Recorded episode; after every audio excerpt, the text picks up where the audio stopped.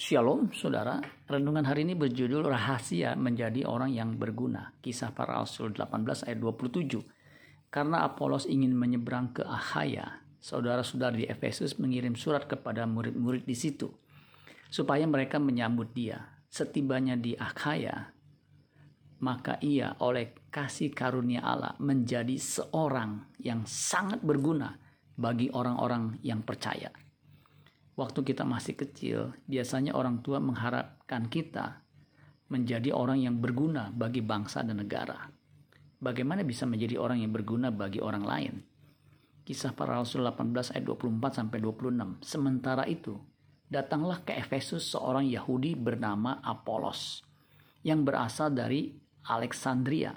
Ia seorang yang fasih berbicara dan sangat mahir dalam soal-soal kitab suci ia telah menerima pengajaran dalam jalan Tuhan.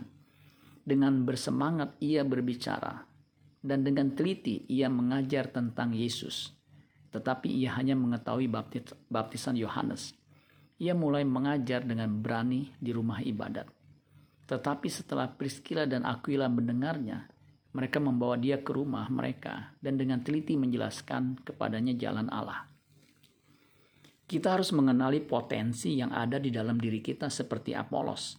Apolos seorang yang fasih berbicara. Ia punya kemampuan bicara yang luar biasa baiknya. Ia juga seorang yang mahir dalam soal-soal kitab suci. Ini dua hal yang sangat penting bagi seorang pelayan firman. Punya pengetahuan firman yang mumpuni dan juga cakap ketika mendelivery kontennya. Sehingga orang suka mendengarkannya Apolos seorang yang suka belajar. Ia suka belajar hal-hal baru. Ia juga teliti dalam menjelaskan pokok persoalan yang disampaikan. Yang membuat Apolos semakin berguna buat banyak orang adalah ia seorang yang berani dan bersemangat. Spirit ini menular kepada orang yang ada di sekitar Apolos.